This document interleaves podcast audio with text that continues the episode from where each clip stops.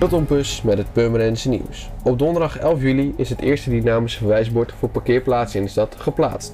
Op het bord kunnen automobilisten zien hoeveel plekken er nog vrij zijn in de parkeergarage Klaksonaat en Willem Eggert.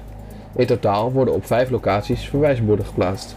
De Beemse Brug, de Neckerdijk, de Horensalaan en de Purmersteenweg tegenover het stadhuis. Op de Jaagweg, ter hoogte van het busstation, volgt later deze zomer het vijfde bord. Het parkeerverwijssysteem wordt in de tweede helft juli getest. In augustus wordt het officieel in gebruik genomen. Het college ziet geen heil in een verbod op magneetvissen in Purmerend. Zij vindt namelijk dat voorlichting geven over het vinden van risicovolle spullen belangrijker is dan een verbod.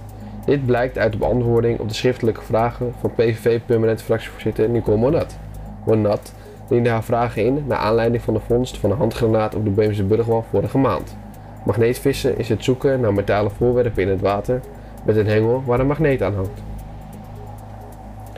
Lieke Kremer heeft op donderdag 11 juli het Groene Lintje 2019 ontvangen voor haar inzet voor groen en duurzaamheid in Purmerend. Kremer werkt al zo'n 20 jaar op het Clusius College, waarbij ze leerlingen nieuwsgierig maakt naar het belang van een groene leefomgeving. Sinds enkele jaren organiseert ze daarom samen met leerlingen goed bezochte mini-conferenties en vindt zij deskundigen bereid om hun kennis over groen en duurzaamheid te delen met de aanwezigen. Ook is zij mede-organisator van de jaarlijkse voorjaarsbloemenmarkt op het schoolplein. Voor meer nieuws, kijk of luister natuurlijk naar RTV Permanent, volg je onze socials of ga naar rtvpermanent.nl.